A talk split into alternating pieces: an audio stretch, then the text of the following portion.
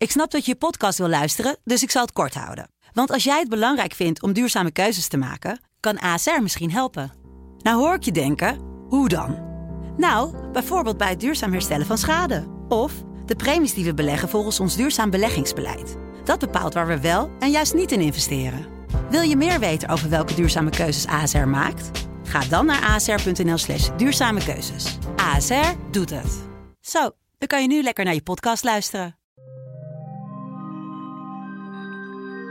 Dit is Spraakmakend, een podcastserie van De Telegraaf. Met daarin echte verhalen van echte mensen, verteld door henzelf. Deze podcast is eerder als video verschenen op 24 oktober 2021. Je hoort Wilson Boldewijn. Dankzij deze hond naast mij op de bank kan Do van den Hurk weer het leven leiden van een 23-jarige. Hiervoor ging Do vanwege PTSS niet meer de straat op. Maar Moos, een psychosociale hulphond, is erop getraind om de stress en spanning bij het baasje op tijd te signaleren. En ze zitten hier allebei naast me, zoals ik net al zei. Do, welkom. Dankjewel. Samen met Moos, Ja. de psychosociale hulphond. Ehm, eigenlijk een hele simpele vraag. Wat is een psychosociale hulphond? Wat, is de, wat doet hij het vaakst bij jou? Nou, ik heb Mozes voor mijn PTSS, zoals u net al zei. Ja. En eh, wat hij voornamelijk bij me doet, is als ik gestrest ben, dus nu vind ik het bijvoorbeeld een beetje spannend. Ja. Hij ligt ook echt hier tegen mijn hart, omdat ik een beetje, ik merk dat ik hartklopping heb. En dan, omdat hij dan dus zo op me ligt, geeft hij een soort diepe druk op mij. Ja, Waardoor eh, bewezen is dat dat dan, eh, ja, mijn spanning weer naar beneden gaat. oké. Dus hij signaleert eerder mijn spanning dan dat ik zelf doorheb, waardoor ik het ook weer lekker En daar reageert hij dan op? Ja, en dat eh, doet hij nu dus door zo bij me te liggen, maar dat kan op heel veel eh, verschillende manieren. Ja, zo direct meer over, over hoe die precies getraind is en hoe je erbij gekomen bent. Maar laten we eerst even over jou. Mhm. Ehm, hoe, hoe, hoe zag jouw leven eruit voordat Moos in je leven was? Ja, hoe zag mijn leven eruit? Ik eh, had heel veel hulpverlening rondom mij. Ehm, en ja, ik, ik had eerlijk gezegd niet meer echt een leven. Ik eh, was opgenomen, Ja, eh, vooral de laatste periode heel erg veel. En ehm, ik had heel veel moeite om überhaupt mijn dag door te komen, mijn bed uit te komen, dat soort dingen. Ehm, want je hebt PTSS, hè? ja, En ik heb dat, dat PTSS. associeer ik heel erg met, want ik heb hier een paar weken geleden met een, met een Irak-veteraan gezeten. Ik associeer dat heel erg met, het, met de militaire wereld. Ja, Maar ja, jij bent het ik. sprekend voorbeeld ervan dat dat ook gewoon Dat kan ook gewoon. iedereen Ja, overkomen. dat kan inderdaad. Als je een hele heftige gebeurtenis of meerdere hebt meegemaakt, dan kan dat iedereen overkomen. Maar ik kan me wel voorstellen dat mensen dan meteen denken aan veteranen. Want Ja. daar gebeurt het natuurlijk heel heftig. Maar dat kan ook eh, helaas gewoon in Nederland. Hoe kom jij eraan? Wat is jou overkomen? Ehm, ik had een hele lastige thuissituatie gehad, waardoor ik eh, PTSS heb opgelopen. Ehm, toen was ik al een stuk jonger, zo'n jaar of negen. Ehm, en toen ik daar eenmaal uit was, was die onveilige thuissituatie wel over. Maar ja, je draagt het wel, ja, je draagt het natuurlijk wel met je mee. Dus vandaar dat ik dat eh, ja, heb Ja. En je ontwikkelde ook zelfs een eetstoornis daardoor, hè? Ja. klopt. Inderdaad, in die periode dat ik eh, nog in mijn thuissituatie was, heb ik ook een eetstoornis ontwikkeld en daarnaast ook een depressie. Ehm, en eh, ja, daar heb ik ook echt nou, vanaf mijn elfde, denk ik, tot eh, een jaar of twee jaar geleden mee geworsteld. Ja.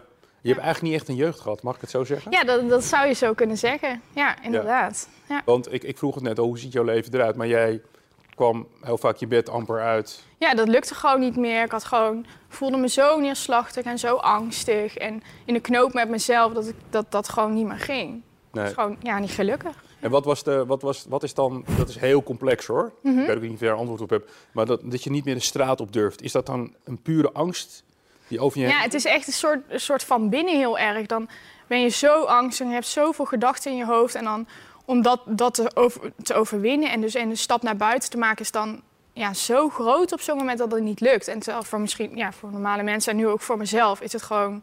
Ja, ik sta gewoon op en ik doe mijn ding en ik Ja. ga boodschappen doen. Maar ja, op dat moment ging dat gewoon niet meer.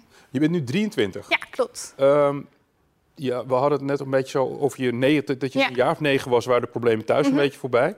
Maar je hebt, En toen was het begonnen. toen was het oh, ja, begonnen. ja, precies. Het is begonnen. Eh, wat, wat waren jouw moeilijkste jaren? Ja, ik denk eigenlijk de laatste jaren voordat ik Moos kreeg. Dus toen ik een jaar of, ja, ik Moos nu twee jaar, dus een rond maar... Rond je twintigste. Ja, precies. Ja. Toen zag je er helemaal... eh, Ja, ja, toen zat ik in een gesloten opname en eh, had ik het gewoon echt heel erg pittig. Ja. ja. Dus ik denk dat dat eh, het lastigste was. Ja, En je hebt heel veel therapie gehad. Allemaal verschillende soorten Ja. traumatherapie, et cetera. Ja, ja het, het, is echt te veel om op te noemen. en het hielp niet echt. Ja, het hielp dan ofwel ter ondersteuning, dat ik in ieder geval, doordat ik bijvoorbeeld begeleiding kreeg vanuit die opname, dat ik in ieder geval mijn bed uitkwam, dat soort dingen. Maar niet baanbrekend. Dat ik Ja. dacht van, en nu kan ik echt verder. Dat eh, niet. Of heel eventjes, een paar maanden en dan lukt het toch niet meer zelf. Ja. Dan eh, had ik weer meer nodig, ja. En wat is er gebeurd dat, me- dat iemand opeens tegen jou zei...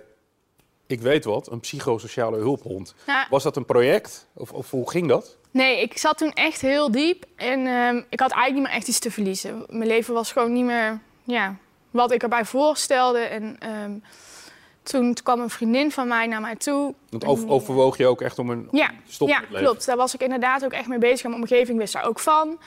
Ehm, dus ja, ik had gewoon niks meer te verliezen. Nee. En toen kwam een vriendin van mij die ik tijdens een eetstoornisopname een paar jaar eerder had ontmoet, kwam ik tegen. En die zei, ja, is een hulphond niet iets voor jou? Zij had dan zelf ook een hulphond. Toen dacht ik, ja, allemaal leuk en aardig, maar ik kan niet eens voor mezelf zorgen. Hoe Nee. moet ik dan ooit voor nog van een beestje van eh, acht weken gaan zorgen? Dus ik was eerst een beetje sceptisch. En daarna dacht ik, ja, ik ken ook geen psychosociale hulphond. Inderdaad alleen de blinde geleidehond. Maar goed, ja, ik had dus niet meer echt iets te verliezen. En toen dacht ik, ja, ik kan beter nog maar alles even proberen. Dus toen heb ik mijn vader voorgesteld. En eh, die zei van, ja, we gaan het gewoon doen. Want Ja. we moeten iets. Er is, er is, geen, eh, Ja. er is geen andere uitweg. En werkt, werkt het niet, dan zien we dat dan wel weer. Ja. Dus eh, ja. En toen kreeg jij, hoe, hoe gaat zoiets? Is er een stichting die dat doet? Wat, wat, wat, hoe is Nou, het ik ben, dus, gegaan? ja, ik ben via die vriendin dus in contact gekomen met de stichting ehm Hond Kat, het Kinologisch Instituut vanuit het Hart, waar zij ook haar hulp Kun je dat nog één keer zeggen? Kinologisch Instituut vanuit het Hart. Ja, waar hij zij reageert er meteen op. Hij weet dat hij daar vandaan Hij gaat even verliggen. Ja. waar, eh, waar zij ook haar hulphond heeft opgeleid. Dus daar heb ik een gesprek gehad. En daar waren ze eigenlijk heel positief. Van, we dachten, zij dachten van, nou, we kunnen wel eh, wat voor je bieden. maar toen kwam het kostenplaatje. Want eh, voor veteranen inderdaad wordt het wel vergoed, een. PTSS-hulphond. Maar voor de gewone burger, om het zo maar te zeggen, niet. De verzekering doet, doet, doet dat niet. Nee, die vergoeden alleen eh, hulphonden voor eh, mensen die doof zijn of een lichamelijke beperking hebben. Ja. Ja, oh, dat is natuurlijk ook... of visueel. Ja, want ehm, wat, wat, wat kost zo'n hond om op te leiden? Heel veel. Ik heb denk ik in totaal zeker 10.000 euro betaald. En dan ook wel met aanschaf van hem. Maar ja, dat eh, Ja. niet iedereen en, en zomaar... daarmee is het nog eh, niet klaar? Nou ja, ehm, hij wordt ieder jaar eh, hertest krijgt hij. En natuurlijk, je krijgt de dierenartskosten. En je moet natuurlijk voer Ja. betalen. Dat hoort er wel allemaal bij. Maar als je optelt wat jij aan klinieken hebt gekost... Dat is veel duurder. heel plat gezegd. Veel duurder. Dat, is, dat, is, dat kost ook een godsvermogen. Nee, het zou de zorgverzekering echt, denk ik, veel geld hebben geschild Ja, als ze dat betaald hadden. Want dat had heel veel geschild voor hen dan. Ja. En voor mijzelf natuurlijk ook. Maar ja. ja. Hey, en Do, eh, Kinologisch Instituut vanuit het Hart. Ja, Lees klopt. het nu even voor. Ja, het staat hier inderdaad Ja, op. het staat, staat ook niet afleiden, niet aaien. Ja. Eh, want je mag, hij is met, met jou bezig. Ja. Eh, op een gegeven moment komt hij als puppy, Moos. Ja. En dan? Want jij dacht, ik, ik ben hier helemaal niet toe in staat. Ik Nee, kan dit helemaal dat niet. eh, dacht ik ook. Want ik woonde toen al wel op mezelf. Ik was toen inderdaad uit opname. Want dat was dan wel een vereiste natuurlijk. Ehm, en toen had ik opeens een puffy van acht weken in huis. Nou, het eerste wat ik dacht, je bent zo lief, zo schattig. Ik liep Ja. met mijn plinten te sjouwen. En dacht ik, oh, je bent zo lief. En mijn wasmand en dat soort dingen. Gewoon wat puppies doen. En eh, toen ben ik heel erg geholpen door de Hulphondenstichting. Ehm eerste half jaar vooral met opvoeden. Hoe zeg je nou nee tegen een hond? Want ik had heel erg het idee... ehm, dat als ik nee tegen hem zei, vindt hij me niet meer leuk. En dan laat hij me in de steek. En je had ook geen zin om hem af te wijzen. Nee, inderdaad. Ik wilde hem niet afwijzen, want ik vond hem hartstikke lief. Dus dat heb ik heel erg het eerste half jaar geoefend. Dat als hij dan met mijn sokken liep te sjouwen, ik zei, nee, dat mag niet. eh, je moet hem inleveren. En dat hij me dan nog echt nog wel leuk vindt. En dat hij het juist heel erg nodig heeft. Ja. Dus dat was ook een stukje therapie voor mezelf. Van, weet niet per se als je je grens aangeeft, dat je dan nou, niet meer leuk gevonden wordt. Dus, dus door, door eh, hem op te leiden, ben jij jezelf gaan helpen. Zeker. En ik moest natuurlijk, eh, nou vooral als puppy zijn, dan moest ik wel acht of tien keer met hem naar buiten. Ja, dat vond ik heel moeilijk. Dat gaf jou structuur de Ja, dag. maar eh, ja, het moest wel, want anders lag alles binnen, zeg maar. Ja, ja. En dat heeft me heel erg geholpen. Dat ik dacht van ja, ik kan het dan wel zwaar niet voor mezelf opbrengen. Maar ik heb hier wel een beestje van acht weken rondlopen. ja. En dan had hij natuurlijk nog niet zijn hulphondentaken. Maar juist dat hele proces heeft er wel voor gezorgd dat ik ook zelf langzaam die stapjes kon maken daarin.